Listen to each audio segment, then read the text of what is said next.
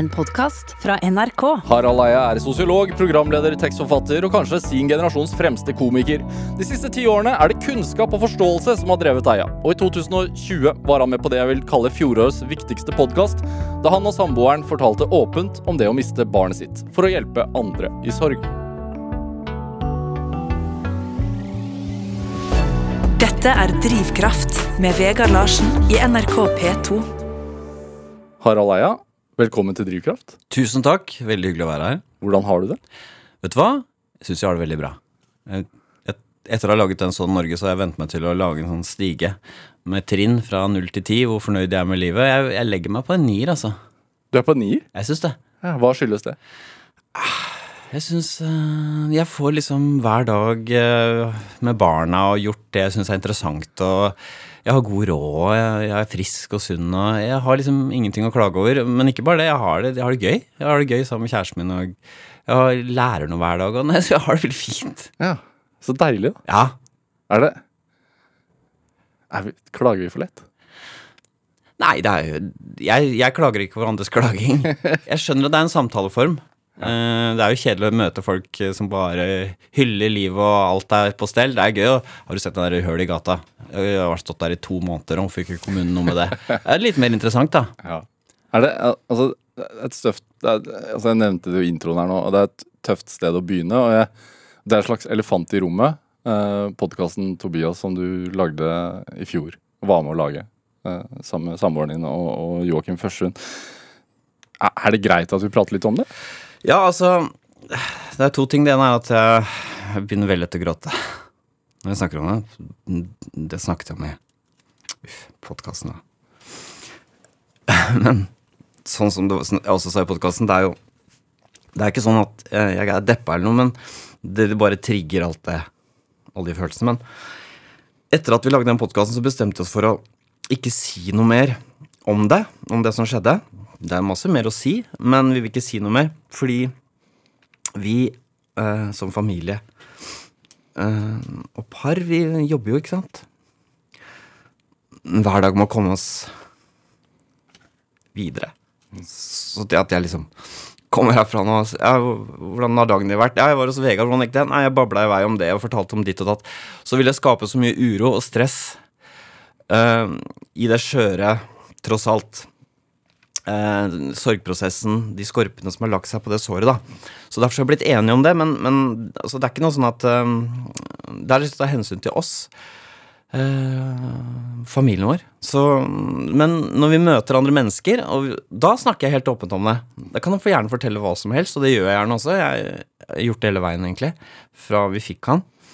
Så det er ikke det det er ikke at det er så privat, men det er for at vi har skjønt at det, er, det skaper veldig mye uro og, og problemer for oss. da, Og det, det trenger vi ikke på toppen av det som allerede er litt vanskelig.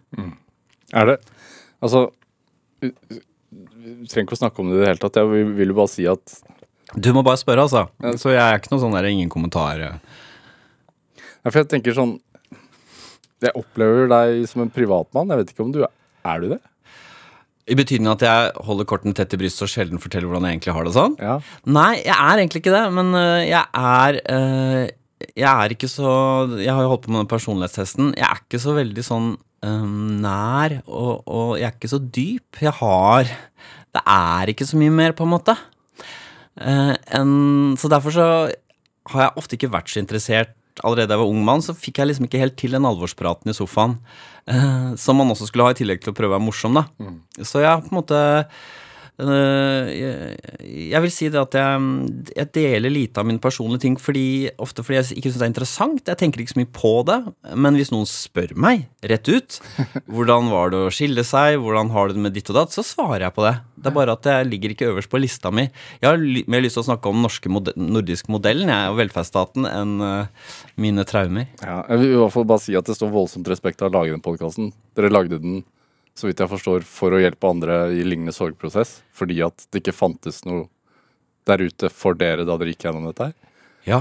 ja og så er det Nadina som savnet det. Og det som har vært fint med det, var at vi har fått veldig mye meldinger fra folk. For eksempel vel en, en dame, en ganske ung dame, som fikk et barn som døde etter noen timer. Og det som hun opplever da hun kommer ut av sykehuset, så, hvor hun selvfølgelig har en samboer som ikke klarer å snakke om det, nesten, ikke sant.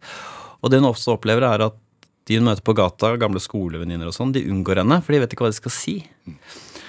Men når de hadde hørt på denne podkasten, disse venninnene og vennene, så, så kom de bort og spurte åssen det gikk. Hvordan går det med deg? Hvordan var det? Og, og, og er det én ting du har lyst til når du opplever noe sånn, er at folk skal snakke om det, da. Og det er, og det er så Og til og med sånn hva, Du tror at det er feil å spørre hva døde barna? Nei, for min erfaring er spør gjerne om det, fordi det, det, det du opplevde er så ille at det å snakke om det, det er det minste problemet. Så Og man blir en ensom. Så det Uff, søren. Det uh, har vi opplevd som veldig fint, da. At det har hjulpet mange som har følt seg alene om dette her. Har det? Du er, du er sosiolog, du er interessert i samfunnsstruktur, du er interessert i mennesker. Er det Har du blitt overraska over mennesker? Tenker du på gjennom det som skjedde der, eller sånn generelt? Ja, i, i ettertid og det som Ja. skjedde der òg. Jeg blir egentlig overraska hele tida, men um, Nettopp fordi jeg ikke er så veldig nær, da. Jeg går ikke så veldig nær inn på folk. Så de gangene det, det som har skjedd med den podkasten, så kommer jeg jo fort veldig nær. Uh, når noen henvender seg og vil snakke.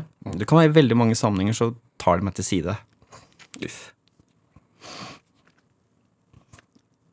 Og da blir jeg jo liksom imponert over Apropos det vi snakket om i begynnelsen, at folk klager mye, men fy fader, var det ganske tøffe.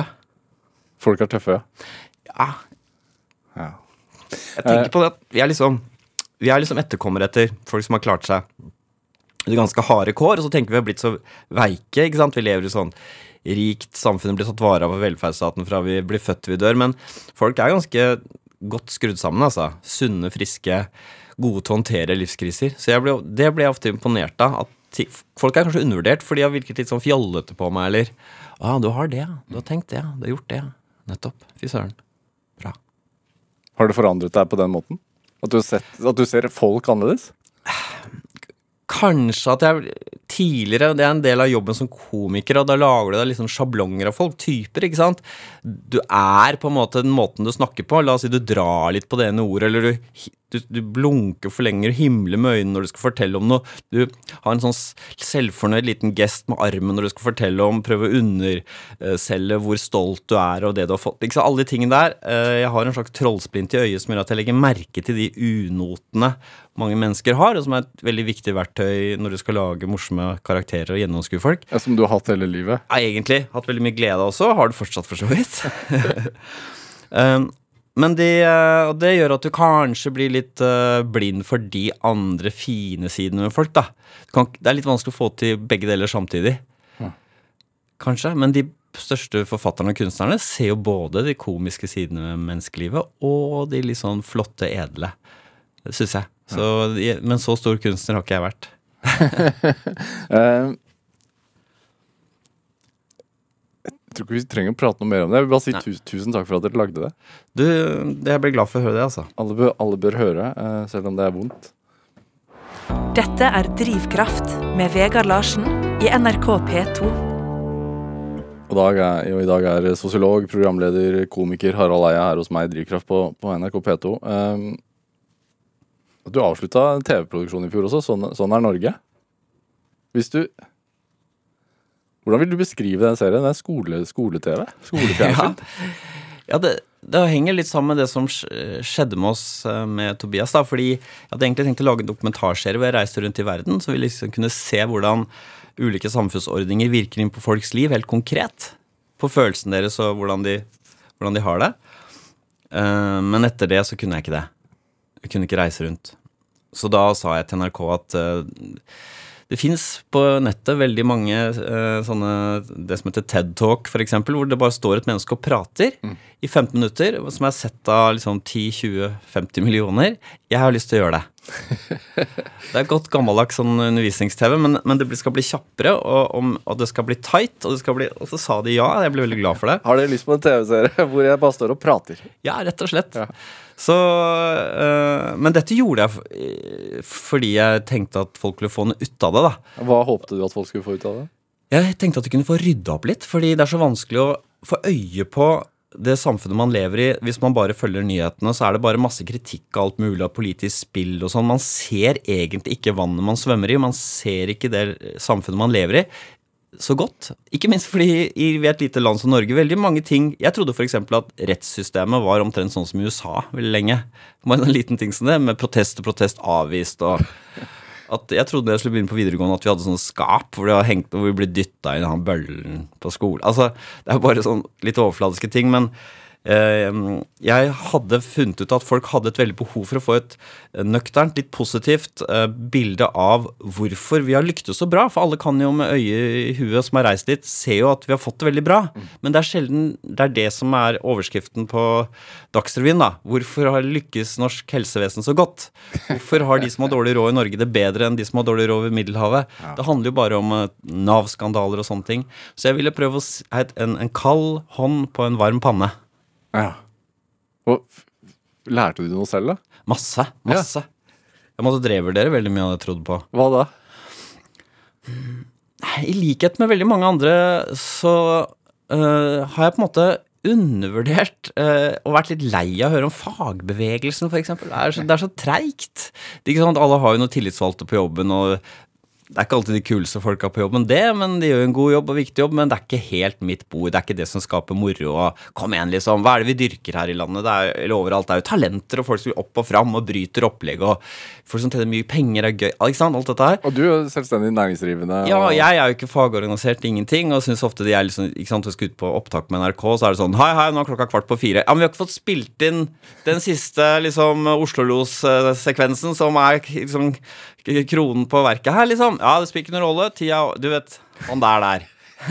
han fins jo. Ja.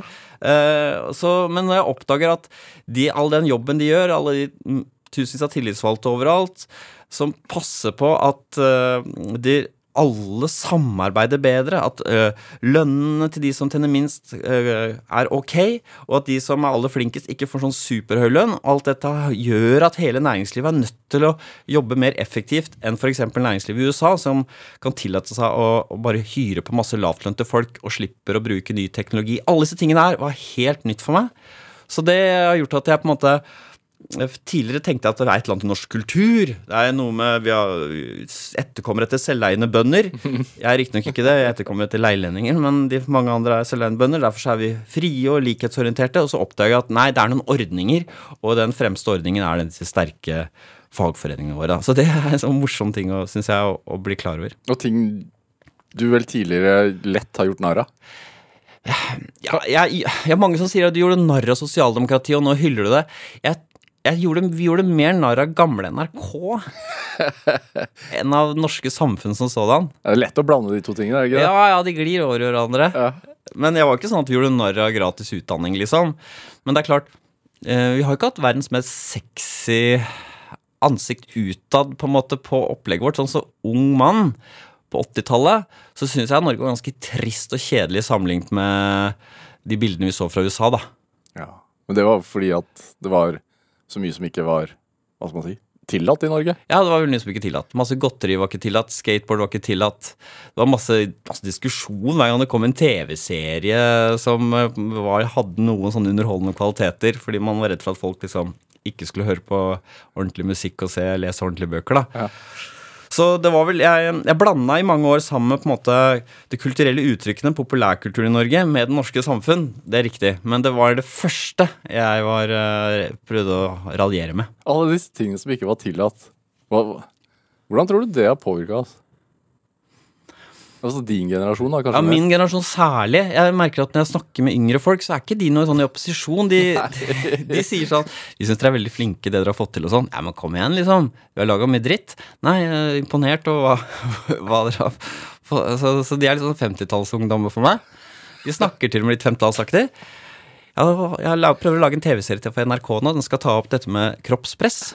Det er drømmen min å få til. Ja vel, ja. Nettopp. Ikke sant. Flott.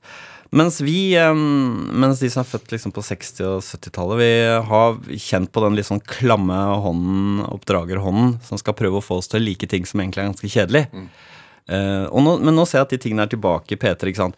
Uh, det, er, det, er, det, er, sexy å være en mann som spør om uh, det er greit å ha sex først. Før han Det er noe av det Å ja, det er noe av det mest sexy som fins. Det, det, er greit at det er viktig og riktig, men er det virkelig sexy på toppen av det hele? Og sånn var min oppvekst også. Det er gøy med lekser. ja. Det er morsomt å Det er morsomt å lese Ibsen. Det er veldig, veldig, veldig gøy. Ja. Men det var det ikke, da. Men altså, det, eh, det, Kanskje litt sånn overraskende serien ble jo en suksess, da. Mann, en mann som står og prater om hvordan Norge er. Eh, og, og, du avslutta hele serien med en personlig monolog. Du hyller velferdsstaten der. Du oppfordrer, som du også gjør nå, egentlig, alle til å melde seg inn i fagforeninger. Du bruker eksempler fra eget liv. Hvorfor var det viktig for deg å avslutte den personlig? Jeg tenkte at um, i alle gode filmer så kommer det helt fram på slutten hva helten egentlig Hvorfor han gjorde dette her. Ja. Ikke sant? Klassisk dramaturgi der. Ja, ja det, det, er det. Det er det som jeg, Hvorfor gjorde du det fordi Hvorfor er du opptatt av å fange morderen? Er det fordi du er opptatt av rettferdighet, eller er det fordi du øh, selv mistet øh, foreldrene dine for en drapsmann, og nå skal du få et eller annet? Det, kom, det er fint. Så jeg ville ha til slutt men så kom, det var ikke noe at jeg fant det på, men det var sånn, det må jeg ha. Jeg må ha en personlig begrunnelse.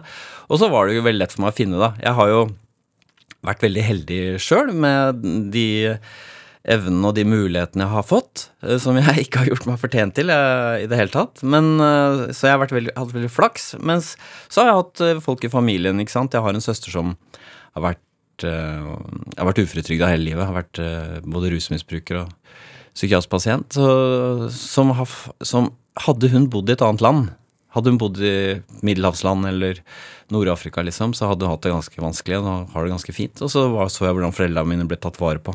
Mm. Og så var det en opplevelse med Tobias. da.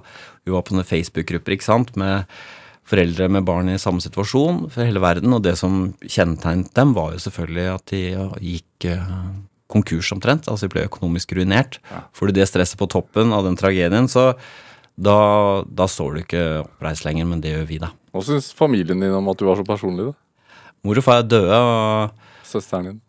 Uh, hun, er, hun, er, veldig raus på det, egentlig. Ja. Uh, hun uh, er, alt, er, stolt av lille brutter'n, skriver hun. Ja. Men um, ja, altså det, det, det, Jeg vet at det har vært noen litt sånn, litt sånn lenger ute i familien som har vært litt skeptiske til det. At jeg bruker dem, og det er jo litt sant, men jeg jeg har en slags lakmustest. Kommer dette fra et ekte sted, eller forteller jeg om dette her for å se bedre ut sjøl? Og det siste har jeg gjort da jeg var yngre. Så Hvis noen sa til meg åh, du er så overfladisk, det er bare tull med deg hele tiden, ironi, jeg er så lei av det. Ok, da trekker jeg søstera mi kortet. Nå skal jeg fortelle om det. Jeg har, jeg har, ikke bare hatt det lett, ikke sant? Sånn at jeg kunne få litt respekt. Så den, den strategien kjenner jeg til viktig å bli interessant fordi man opplevde noe vanskelig. Men i dette tilfellet så var hjertet mitt rent. Mm. Det er ofte en sånn lakmustest jeg bruker. Er hjertet mitt rent nå, eller gjør det for å drite ut noen? Skal jeg henge ut noen, eller er det fordi jeg brenner for sannheten? Når er det du fant ut at det var god, et godt verktøy for deg? Um, Denne lakmustesten? Ja, det var På universitetet så var det faktisk en foreleser som snakket om det. Prøv å tenke når du kom et utspill, eller uh, det var en uformell sammenheng, da. Hvorfor gjør du dette her, egentlig? Uh, ta en runde til. Har du rene motiver? Om du ikke har det, det er greit, men du må vite om det, i hvert fall. Eller har du det ikke? Og så var det, så seinere var det også innenfor komedie, så ble det ofte de ko komedielærerne jeg hadde de la veldig vekt på at det må komme fra et ekte sted. Publikum merker det, de er gode til å se det. De er gode på å se om det kommer fra et ondskapsfullt sted, eller om det kommer fra, men kommer fra sånn ertelystent eh, Min komedielærer, han Tony Totino, som jobber i, i, i Norge her nå, han Hvem er det? Han er egentlig canadier, og så er han gift med en skuespiller som heter Helen Vikstvedt, som har undervist meg i komedieimprovisasjon mye og sånn. Han sa når du går ut på scenen, Harald, så skal det være akkurat som om du har vært stengt inne i et bur i ti år, og du kommer ut Du er uskyldig og naiv, og du vil liksom Ingenting er noe farlig, men det kommer ikke fra et, et sint sted. Du kommer fra et naivt sted, og da kan du tråkke ut i baret, ikke sant? Da kan du lage en fæl scene om fra Anne Franks dagbok og blande sammen masse rare ting som er helt horribelt, men det kommer ikke fra et, eh, et sint sted. Og det fornemmer publikum, og da elsker de at du går over streken. ja, er det så enkelt? Nei, ikke så enkelt, men det er en god rettesnor. Ja. Som alle gode rettesnorer, så er det jo eh, du, må, du kan vingle litt på den, men eh, det, det er fint å holde seg til den når du lurer. Ja, for det må jo være Altså, ondskapsfullt er jo én ting, men når man driver med komikk på den måten som du har gjort, så må Det må jo være vanskelig å Å ikke gli over, holdt Ja, jeg på å si. Og det som skje- Det har, det fått kritikk også. Ja, ja. Du husker Finn Kalvik, for Ja, ja, eksempel. absolutt. Ja, Ja, Med god grunn har vi fått kritikk. Eh, Og det svakheten med den rettesnoren er at selv om det kommer fra et ekte, fint og varmt eller uskyldig sted, så kan jo konsekvensen være uheldig allikevel. Så det er liksom neste moment. Man kan ikke bruke det som eneste rettesnor, da. Så da har vi jo måttet ha litt følere ute og snakke og undersøke med klokere folk enn oss. Syns det er over streken, kanskje spørre de selv, og så svarer de kanskje nei, jeg syns det er bare moro, jeg. Og så viser det seg at det mente de kanskje ikke helt allikevel, fordi vi, vil, vi alle vil ha selvironi, og så ja, du vet. Men, men den, den ydmykheten din, hvor kommer den fra? Jeg, jeg tenker ikke på meg som ydmyk. Du sa for, for, for noen svar tilbake siden at, at du vet ikke Altså, du, du har havnet der du har av, av flaks, og du er ikke så flink, og du Det, det er, jeg tenker ikke på det som ydmykhet, men bare sånn uh, realitet. Jeg vet f.eks. hvor utrolig mye genetikk betyr, da. Så jeg, hvis jeg skulle gå rundt og slå meg selv på brystet fordi jeg har uh, de uh, evnene Ikke at jeg er verdens mest talentfulle menneske, eller noe sånt, men jeg, jeg har fått noen ting som gjør det litt lettere for meg. Jeg, skolen var lek, ikke sant. Um, jeg har lett for å konsentrere meg. Jeg ser mange som ikke har det. det er, og det er ikke fordi jeg har jobba knallhardt stått opp tidlig, vært Og til og med det er jo noe man er nesten født med. ikke sant? Evnen til å være sånn disiplinert. Så, så jeg, jo mer jeg liksom lærer om menneskenaturen, jo mindre eh, eh, slår jeg meg selv på brystet og roser meg selv for det jeg har fått til. Men det betyr ikke at jeg ikke noen gang var fornøyd. Dette var bra, Harald. Den satt. Den smalt. Ja. uh, men uh, jeg er jo Ja, så jeg tenker ikke på det som ydmykhet, men en slags realisme. ja. Men du har altså i podkasten din Sånn er du, eh, der du og Nils Brenna utfører sånn personlighetstester av kjente mennesker med et sånt altså Big Five Det er sånn spørreskjema Hvor mange spørsmål er det 240. som man må fylle ut? Ja. Kjapt og, og, Og ærlig. Ja, ikke Ja. sant? Og, og der, der har du flere ganger omtalt deg selv som sånn flat. Ja. Eh, og du er ikke så flat. Det er livs, livsløgn, det der. Ja, men jeg er flat på noe. Jeg, jeg, har, jeg har litt problemer med å se de tingene, for jeg, jeg husker jeg, var Noen ganger så har jeg havna i situasjoner i livet, og dette var før uh, vi mista et barn, vi måtte gå til psykolog, og da sa en psykolog til meg du er ganske følsom, du, Harald. Og det var brøt helt med det bildet jeg hadde av meg sjøl, da. Um, men um, jeg er vel flat i den forstand at jeg ofte er mer interessert i um, ideer og uh, poenger og vitser enn jeg er interessert i det personlige og mine egne følelser. Så jeg har de følelsene. De fins der, de er der. Men jeg er ikke så interessert i å utforske dem eller snakke om dem. Men sånn som når du har drevet med teatersport på det nivået du har, og humor på det nivået du har, så må man jo ha veldig sterke værhår, altså sånn, og egentlig også være veldig følsom, tenker jeg. Ja, ja, man må lytte man må, Det er en treningssak. Man må, det som heter å lytte. Jeg må lytte intenst på alle mulige måter når du sier noe til meg. Hva er det som foregår nå? Ja. Når du sier um, det er tirsdag i dag. La oss si du sier det. Ja. Hva er det som ligger i det? Og da kan jeg si Er det tirsdag?! Nei, er det ti ikke sant? Da merker man det en gang det er interessant. For det er noe vi skulle rekke. Det var noe, en Tirsdag er den dagen eh, våre gisseltakere skulle henrette oss. Eller tirsdag er den dagen vi skulle få vite om du var faren min, eller Ikke sant? Så det handler, om, det handler egentlig ikke om en sånn vanlig form for følsomhet, men det handler på å lytte på hva er det som foregår i denne situasjonen. Og det er en treningssak, og det er veldig viktig å understreke med den personlighetstesten at du kan trene deg bort fra de tendensene du naturlig har. Sånn at hvis jeg kanskje til daglig er en litt dårlig lytter, så kan jeg bli god på å lytte på scenen. Ja, så, men er du Så du er bare nysgjerrig på de gjestene i Sånn er du på, i podkasten? Er helt ærlig med deg, så er det ofte sånn at når vi går ut av studio, så vil de gjerne prate mer, fordi det er sterk opplevelse, ikke sant? Å bli Analysert, ja. Ja, og men da ser jeg ofte Da er jeg litt sånn Du, nå kan du ha kaffe, eller hvordan går det ellers? Og hva skal du ta? Taxi? Eller jeg er litt sånn Da har jeg liksom skrudd av litt, så det, det bare får jeg beklage overfor alle gjestene mine. Men Nils er veldig god der. Han følger opp og snakker litt på telefon etterpå. og sånt. Ja, Du har ikke noe behov for å Jeg er litt borte. snakke om Ja, Det er det overfladiske ved meg. Det, er, det er det som jeg syns er litt sånn leit ved meg. Hvis jeg skulle forandre på noe. Men er det Men du Du må jo være nysgjerrig på mennesker Altså i de menneskene, da. Ja, der og da, Der og er, jeg, er jeg det. Jeg er nysgjerrig der. Der og da. Men igjen, er, vi er på scenen på en måte når vi sitter og intervjuer. ikke sant? Jeg, jeg, jeg, jeg bruker hele hjernekapasiteten min på å forstå det andre mennesket. Og når det rødlyset er skrudd av, så bruker jeg hjernekapasiteten min på andre ting. litt grann. Eh, og sånn er det med mange ting med meg. Det er, jeg, har, jeg har opplevd at folk noen ganger er litt skuffet over meg. Nei, hvordan da? Fordi For jeg er ikke nok til stede. Jeg er vimsete og rar. Jeg tenker på andre ting. Jeg henger meg opp i ting som ikke er noe viktig, syns de. Istedenfor å spørre Jeg husker det var en jeg jobbet sammen med som fortalte at jeg hadde spurt Jeg traff han i august etter sommeren. Så traff jeg han. Hei, hei Hasse. Uh, fortell meg kort. Kort åssen sommeren din har vært. Så- så- Sånn kan jeg være litt. Rann. Litt hard og kort. Så jeg liker ikke den siden, men jeg detter ned dit hvis jeg ikke tar meg sammen. Men er du så, så, Sånn er du på det personlige? Altså, sånn, men er, er du sånn hos de som står deg nær også?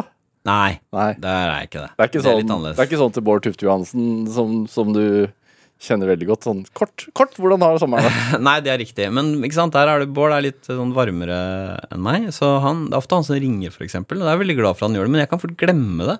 Bård er en bauta i livet mitt, men jeg, nå har jeg ikke snakka med ham på to uker, og Og det er greit. Ja, jeg, jeg tenker på det først når han ringer. Herregud, det er to uker siden vi snakka sammen nå. Eh, angående den monologen din, altså den oppfordringen til velf... Altså hyllelsen av velferdsstaten og, og alt det der. Ja. Kunne du engasjert deg politisk? Altså sånn, er dette her Ser vi deg på Arbeiderpartiets liste om noen år, liksom? Det, du ble hyllet både av Jonas Gahr Støre og, og flere politikere i ettertid? Jeg, jeg har jo så mange litt sånn barnslige sider med at jeg tenker at jeg kan uh, få til hva som helst. ikke sant? Ja. Hvis jeg ville, så kunne jeg i hvert fall komme på Stortinget og sannsynligvis blitt minister og etter hvert. Også en trygg jobb i FN-systemet der etter hvert. Men uh, jeg veit ikke om jeg har det i meg. En sånn liten ting som jeg, er veldig viktig i politikken, som jeg ikke har, er jo det derre Du avskriver det ikke, merker jeg. Nei, det, det da vil jeg svikte Da vil jeg lyve litt. Men jeg vil ikke, hvilket parti, det er litt, sånn, det er litt underordna, egentlig. Det handler om å få det til. Eh, men dette er en så barnslig side som jeg nesten eh, Men jeg byr på det. Ja, fortell. Nei, det er bare at jeg går inn, og så, så sier jeg, er med på Så sier jeg La oss si jeg ringer Jonas Gahr Støre, da. Så sier jeg du, nå er det la- dårlig oppslutning her, liksom. Jeg har et par kule ideer til Arbeiderpartiet, hvordan det kunne svinge det litt opp. Og så sier han «Ah, jeg skulle egentlig være med på Dagsnytt 18 i dag, en debatt om eh, liksom, formuesskatt. Send meg! Send meg! Så kommer jeg. Og der, hva gjør jeg da? Jeg valser jo over. Jeg er sjarmerende, morsom, lytter til motstanderen, men jeg har noen argumenter der, og det er liksom folk, et politisk talent ikke folk har sett maken til. Ja. Um, da Men så kommer det, da, som er den reelle politiske virksomheten, er jo at du reiser veldig mye rundt i Norge, snakker med folk, ikke sant. Hva er det som folk bekymrer seg over? Og da når du har holdt innlegget ditt eh, og på Toten Arbeiderpartilag, så må du eh, drikke kaffe og spise kringle med de folka. Og der er det jeg sliter, vet du. Jeg er ikke sånn people person, sånn som jeg ser mange av de store politikerne er. De er glad i å snakke med folk. De er nysgjerrige. 'Hvordan er det du jobber med? Hvordan du? Hva tenker du om det? Hva føler du om det?' Jeg måtte skjerpe meg og ta meg sammen. Skulle du lata sånn? Ja da, men da ville jeg vært sliten etterpå. Jeg ville fryktelig sliten etterpå. Og vært en dårlig ektemann og vært stille og rar. Og... Jeg snakka heller for å være litt stille her. Eh, så derfor så har jeg avskrevet det litt. Dessverre. Hvordan er du som ektemann, da? Er du stille og rar? Nei. Men eh, jeg tenker ofte sånn i, I jobbsammenheng må du jobbe med de sidene du er gode på. ikke sant? Er du en kløne, så ikke bli uh, finsnekker. Uh, mens i privatlivet, da må du jobbe med de sidene du er dårlig på. Uh, så hvis du er litt dårlig på å snakke om følelser, så kan du ikke dyrke de sidene. Da må du jobbe mot det, og det har jeg forsøkt å gjøre, og jeg lærer noe av Nadina hver dag med, med det. Så, det. så jeg spurte henne, eh, for det var noen som, som drev og Mia Hundvin og de på jobben, tidligere håndballspiller, sa sånn Du er det minst romantiske mennesket jeg kan tenke meg. Og jeg, jeg er kjemperomantisk, mener jeg sjøl. Så spurte jeg Nadina "Eh, er romantisk. Ja, for eksempel, så hver gang jeg står opp, så har du satt på Satt en pulverkaffe og satt på vann, og det er bare å trykke på den knappen på kaffekokeren. Det er veldig rom, det er en romantisk ting du gjør. Det er sant, det.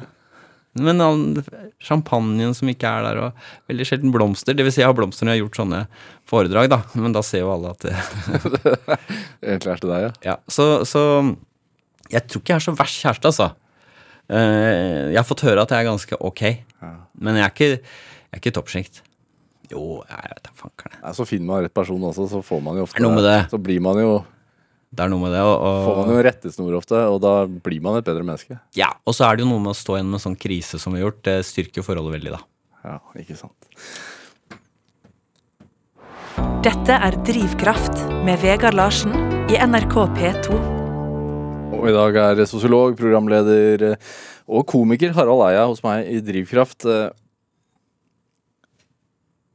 Rykken i Bærum. Mm.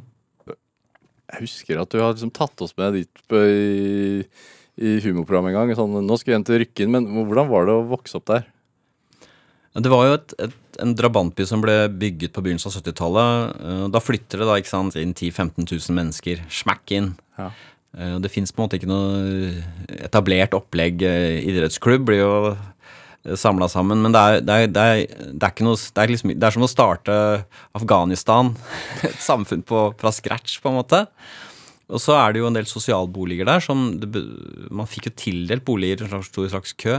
Så det var en del eh, familier som sleit litt. Så den, det å flytte dit var litt sånn sjokkartet, for du hadde liksom tre-fire i klassen som hadde foreldre som hadde rusproblemer, og som ofte kom eh, Du så liksom på klærne deres at de ikke, hadde kanskje ikke vaska seg rundt munnen etter å ha spist frokost, og om de hadde spist frokost, som var, kunne være sinte. Sånn at du kunne få den på trynet uten at du det kom, Hvor kom det fra? Liksom? Jeg har ikke sagt noen ting. Er det ting du har tenkt over i ettertid, eller så du det den gang? Jeg, jeg, var, jeg, jeg, var, var nervøs på skolen. Jeg var ett år yngre enn de andre også, så jeg strevde litt med å Jeg er ikke sånn sosialt geni akkurat. Skoleflink, men ett år yngre. Hvorfor det? Jeg begynte for tidlig på skolen. Det var noe man begynte, drev med på den tiden hvis du var skolemoden. ikke sant? Hva? Jeg er jo kjempebarnslig, men jeg, ganske, jeg kan lille gangetabellen, liksom. Derfor får jeg begynne for tidlig på skolen. Jeg tror man har sluttet med det. Ja. Så jeg er minst, og så begynner jeg i første klasse på Gommerud skole, midt i første klasse. Og da jeg får juling en gang, fordi jeg er liksom så frekk i kjeften, sånn som jeg er vant til fra der jeg gikk. Så Jeg blir satt godt på plass, da, men jeg ble ikke mobba eller noe sånt, men jeg, jeg er nervøs. Jeg vet at jeg passer meg for han og han og han. Og må ikke liksom møte Går jeg nedover en korridor der, så vet jeg at når de to går forbi, da ser jeg bare rett fram. Ja, dette er jo hard virkelighet når man er barn. Ja, det er det. For det er et slags anarki, og det var det enda mer da. Det, det var det som foregikk Det var kanskje én vakt i skolegården, men det, det var ikke noe som passa på. Så det, det var litt sånn, jeg var litt sånn urolig. Så det var, det var sånn sett tøft, da. Og så når han kom på ungdomsskolen, så er det to ting som skjer. Det ene er jo at søsteren min får problemer. Eh, hun begynner å slutte på skolen, og, eller skulke skolen, og det er noe hasj og noe greier. Som slår veldig hardt inn eh, hos meg, fordi da sier eh, Hvor stor aldersforskjell var det? Seks år. Ja. Så da er jeg, ikke sant um, Da hun er sånn 14, så er jeg da eh, åtte. Ja. Og um, da er det jo en veldig um, Sånn at um, det var ordet narkoman som da begynte å komme, ikke sant. Um, er, er, er søsteren min narkoman? Nei, hun er ikke narkoman, men hvis hun Uansett, eh, dette må vi ikke snakke om, for det kan ødelegge for henne senere hvis det, hvis det kommer fram. Ja. Og da Ble det sagt hjemme hos deg? ble sagt hjemme, ja. Ja. Vi var ikke sånn familie som, som holdt lokk eller skjulte ting. Vi så jo ned på sånn fasade og sånn. Men så det var offisielt, og det tror jeg av hensyn til søsteren min, at vi ikke skulle snakke om at hun begynte å få problemer. Um, og, da, og da parallelt med det så begynner jo etter hvert, når jeg begynner på ungdomsskolen, resten av folk i klassen, og, eller de, vers, de verstingene, litt sånn de gærneste, da, de begynner å røyke, begynner å drikke, kan til og med sniffe litt lim, og jeg syns det er helt forferdelig. Jeg synes det er helt forferdelig. Ja, For du har sett hvor gærent det går? Ja, jeg har stempla alt det der som uh, alt. Jeg, for meg er sånn fra hasj til helvete, det er en sånn vits nesten, men for meg var det veldig sånn som barn, det er veldig reelt, og jeg hadde ingen å snakke jeg kunne ikke snakke med noen om det heller. Så jeg hadde gjort meg opp noen egne analyser, og det, det var liksom første veien lukt åt eh, helvete. da. Så det syns jeg, synes jeg var veldig vanskelig. Da jeg blir sånn 12, er søsteren min 18-19, og så da begynner det å bli eh, tyngre stoffer, som vi sa. Um, og den perioden der av livet, så blir jeg 15-16, og da blir da søsteren min Da er det veldig vanskelig hjemme. Da er, det, da er det roping og skriking, og det er liksom Moren min blir deprimert og gråter. Um, og da Og at det er ikke så det er ikke så- altså, unnskyld at jeg avbryter deg, men da, det, det må da gå virkelig så, Du er jo et barn. Du er tolv år. Ja. Det går jo på bekostning av deg, da. Det gjør det, det gjør at jeg Men jeg, jeg har det fint òg. Som barn så er det liksom Jeg har, jo venner, jeg spiller fotball. og men jeg gruer meg til å komme hjem, for jeg vet aldri hvordan, hvordan er det hjemme nå. Mor og far er, er jo veldig flinke, hyggelige foreldre. Eh, og vi har det veldig hyggelig iblant, men iblant så kommer den der, det inn, da, og det er jo Så jeg ble ganske mye sint. Jeg er sint på søsteren min, og så er jeg Fordi moren min blir så lei seg av det preget at hun har skyldfølelse, ikke sant. For på den tiden så alle, hadde alle veldig klar oppfatning at det er hjemmet som er årsaken når barn har problemer. Og da hjemmet, det er jo mor, ikke sant. Så mor tok det veldig til seg når noen av de i kommunen sa um, her må vi rydde opp hjemme. Eh, og det var ingenting å rydde opp hjemme annet enn at vi hadde et stort problem, da. Eh, Det var ikke noe i relasjonen, i omgangstonen vår eller noe sånt som var noe feil. Det var, jeg, ja. Kom hun noen gang over den skyldfølelsen? Nei, Altså når hun ble dement helt på slutten, så slo den dobbelt inn. For da hadde hun ikke noe sånn intellektuell motkraft.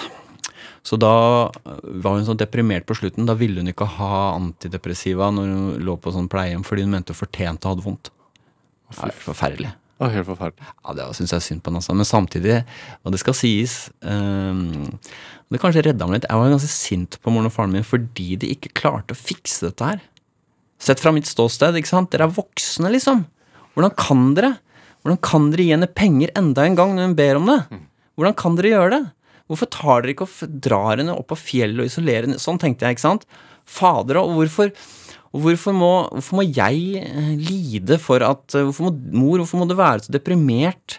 Hvorfor, hun hadde blant annet en sånn der kalender, og hun skrev noen sånne koder på den kalenderen. Sånn stor, eh, sånn der kjempestor kalender som hang der, som, handlet, som jeg ikke skjønte og forsto hva var. Jeg ble helt gal av det. Så, og det så når mor døde, da, i 2018 så, så skulle jeg si noen fine ord til henne, men da måtte jeg bare si det. Jeg måtte bare si det. Uff, sint jeg er. Uff a meg. Er du det ennå? Stakkars mor. Nei. Ikke nå.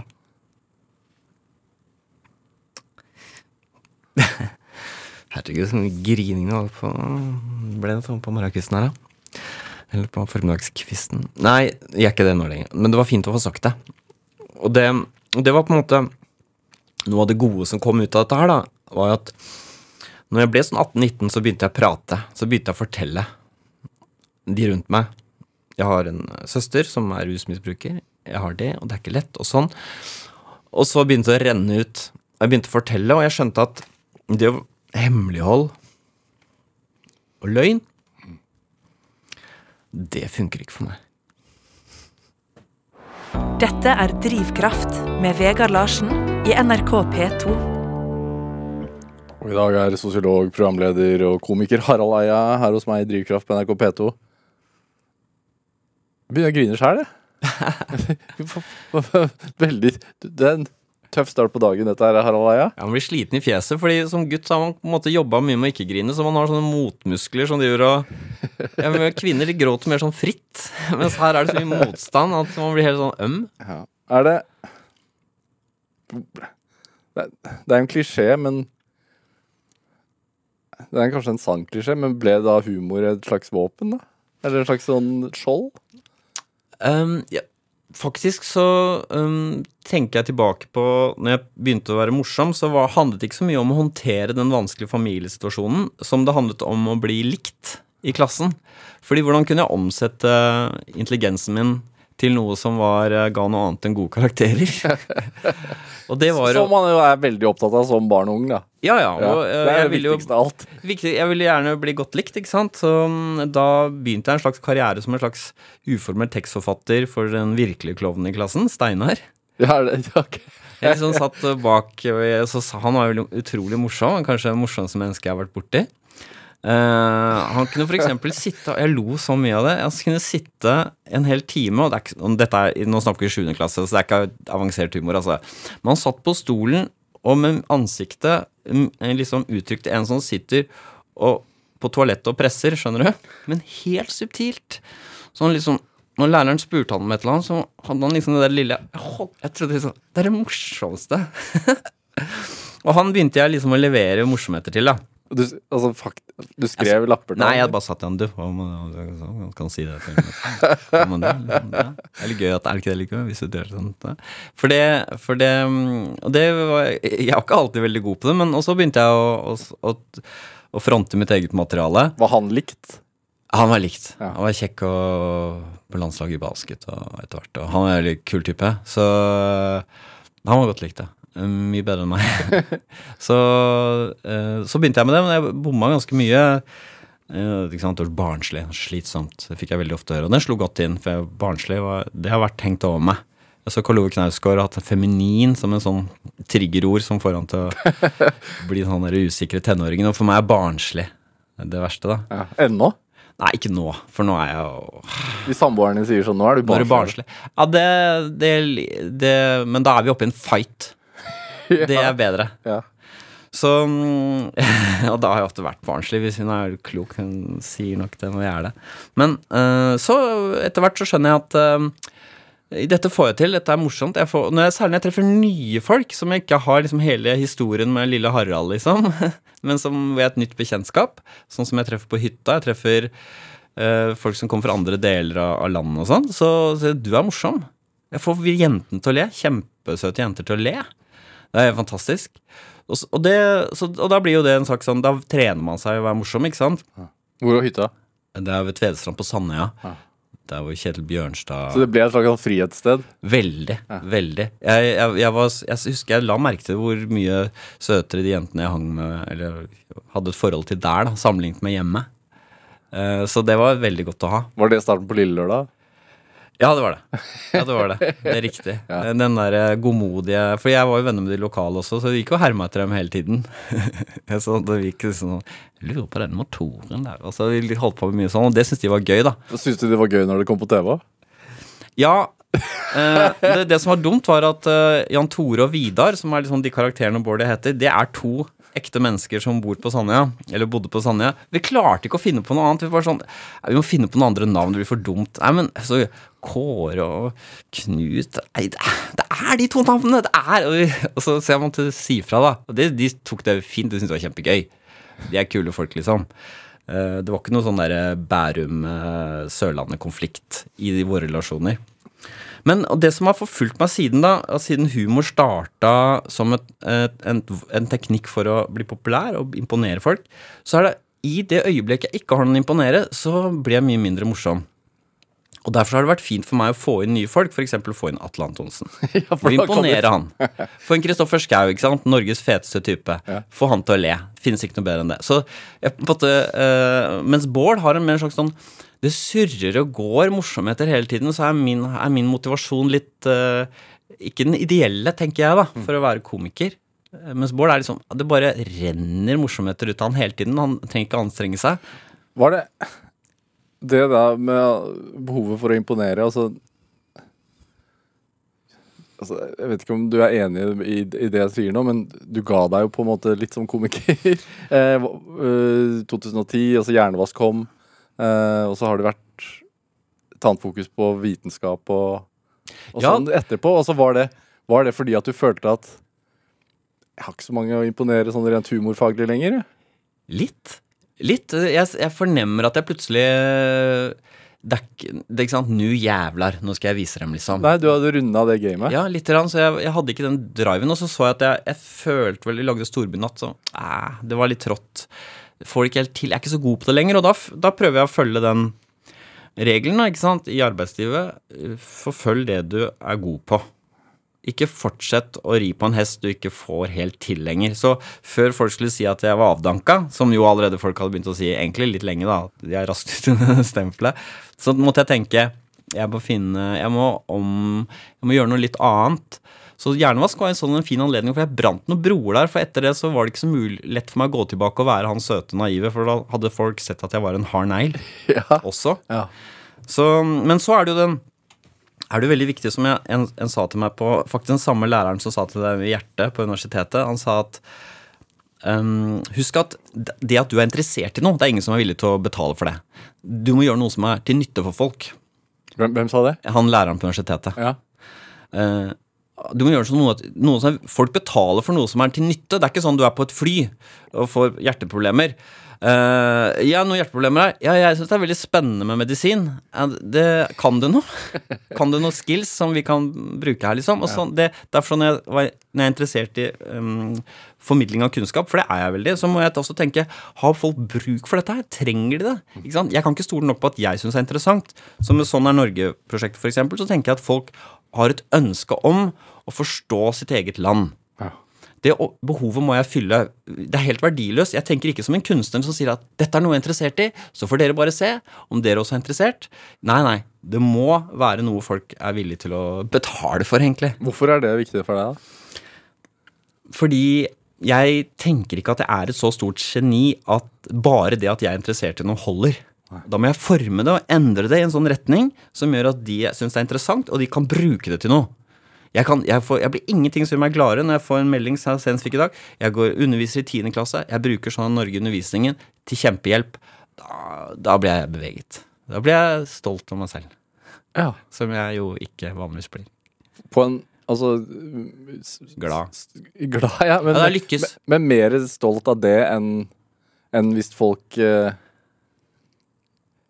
Lo av en sketsj eller noe sånt? Nei, det er et annet type behov. liksom, ja. Jeg har selvfølgelig fått sånn der at jeg, jeg, var, eh, jeg var en sånn nerd som ingen brydde seg om i klassen, og så begynte jeg å herme etter dere, og så ble jeg godt likt. Så er det selvfølgelig veldig hyggelig, men det å, å skape latter og glede er også et behov, da. Det er det alle har lyst til å le.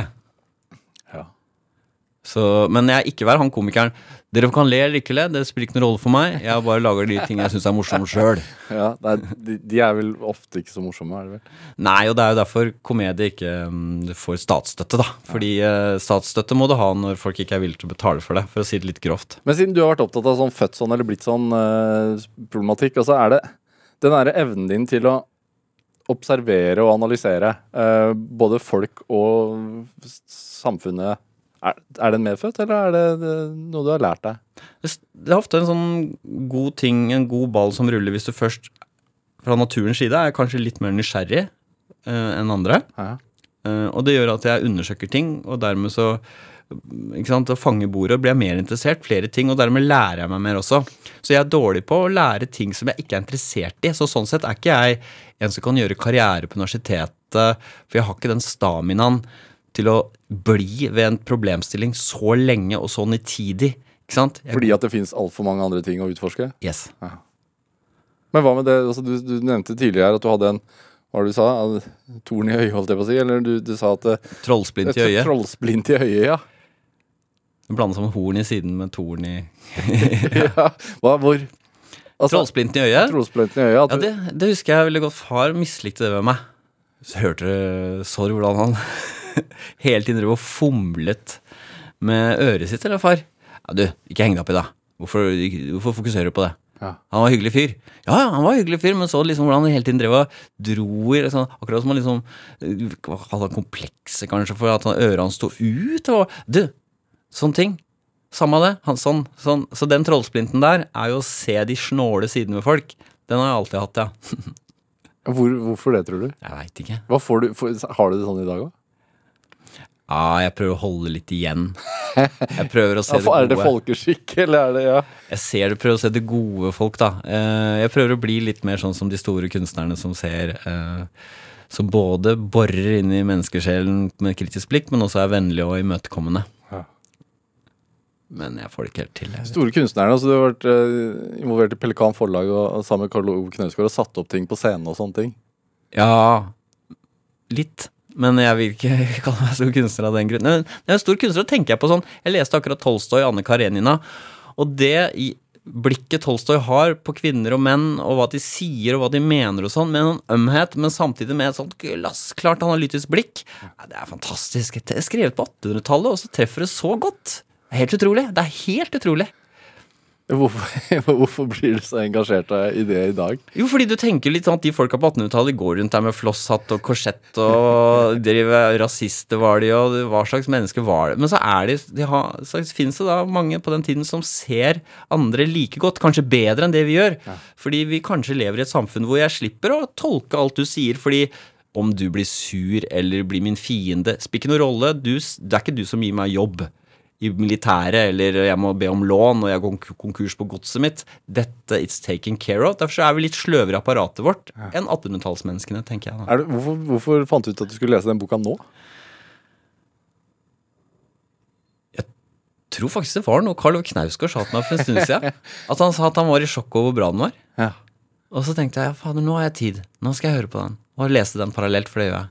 Ja, du hører på lydbok? Ja, så jeg hopper lydbok. videre og parallelt, så det, det synker seg opp. Ja, For da kan du ta med boka på tur? Yes, jeg leser på mobilen på Kindle, eh, og så hører jeg på, og så jobber jeg meg framover skritt for skritt. Alle små pauser når barna ser på To gode naboer på TV. Så får jeg fem minutter der, og så vips, er det blitt en roman. Ja. Er det Nysgjerrigheten din stopper ikke? Nei, og det er jeg veldig glad for. Det er en gave. En gave, den, den har jeg fra mens far ikke hadde trollsplinten i øyet. Så hadde han den nysgjerrigheten, da. Og den, um, den har jeg også. Hva gjorde moren og faren din?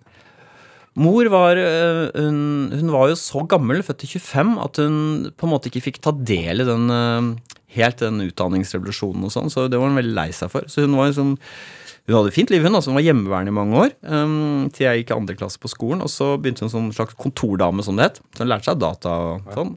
Far var utdannet uh, kjemiker, så han underviste på underviste ingeniører. Kjemiingeniører.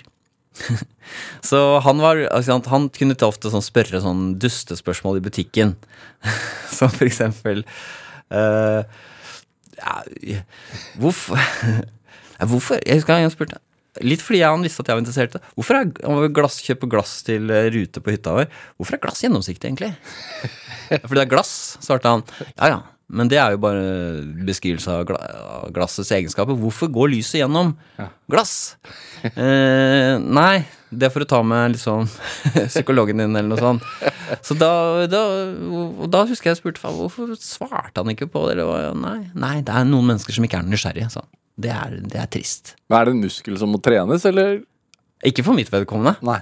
Ikke, jeg har det helt naturlig. Jeg, jeg, da kjenner jeg at jeg, jeg jeg, da lever jeg. Da, da er det liksom det er, så, det er så gøy. Og det har vært komedie. Det har vært fint for meg å prøve å delvis jobbe populær, men også prøve å finne ut hva er det som får folk til å le.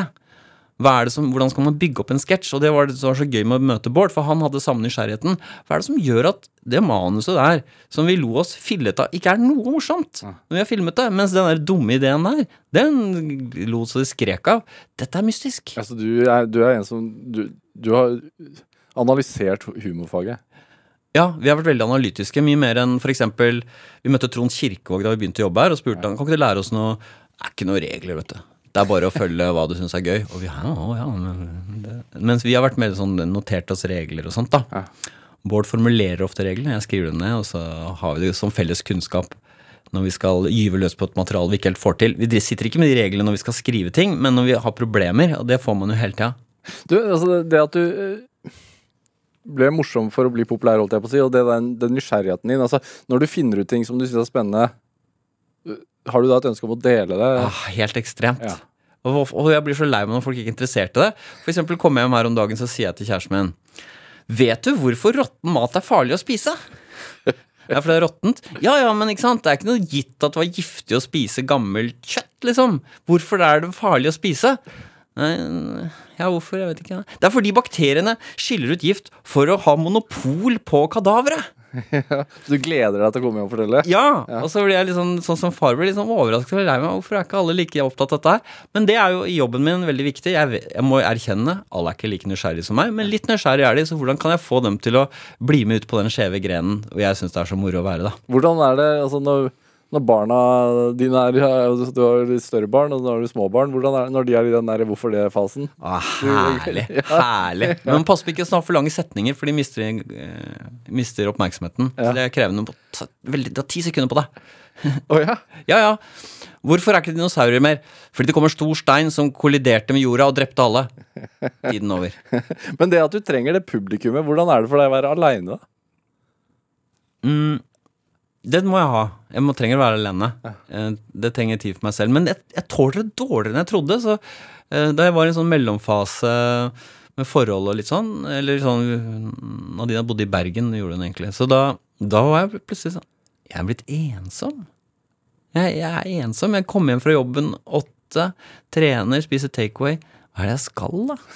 Hva er det vitsen med dette, da? Og så har jeg fått barn, og da er det Ja, sånn var det. Dette var livet, ja. Sånn var det, ja. Harald Eia, hva, hva tenker du alt oppi det Alt du holder på med, all, hva, hva, hva er drivkraften din? at folk skal se verden sammen med meg så fargerik og klar som den jo er. Ja. Noe sånt. Dele med det. At vi skal ha en slags begeistring over ikke spøkelser og troll og overnaturlige ting, men den verden som finnes her og nå. Menneskene, eh, fysikken, eh, alt det som foregår i kulturen. For fantastisk det er at vi er født! Så heldige vi er!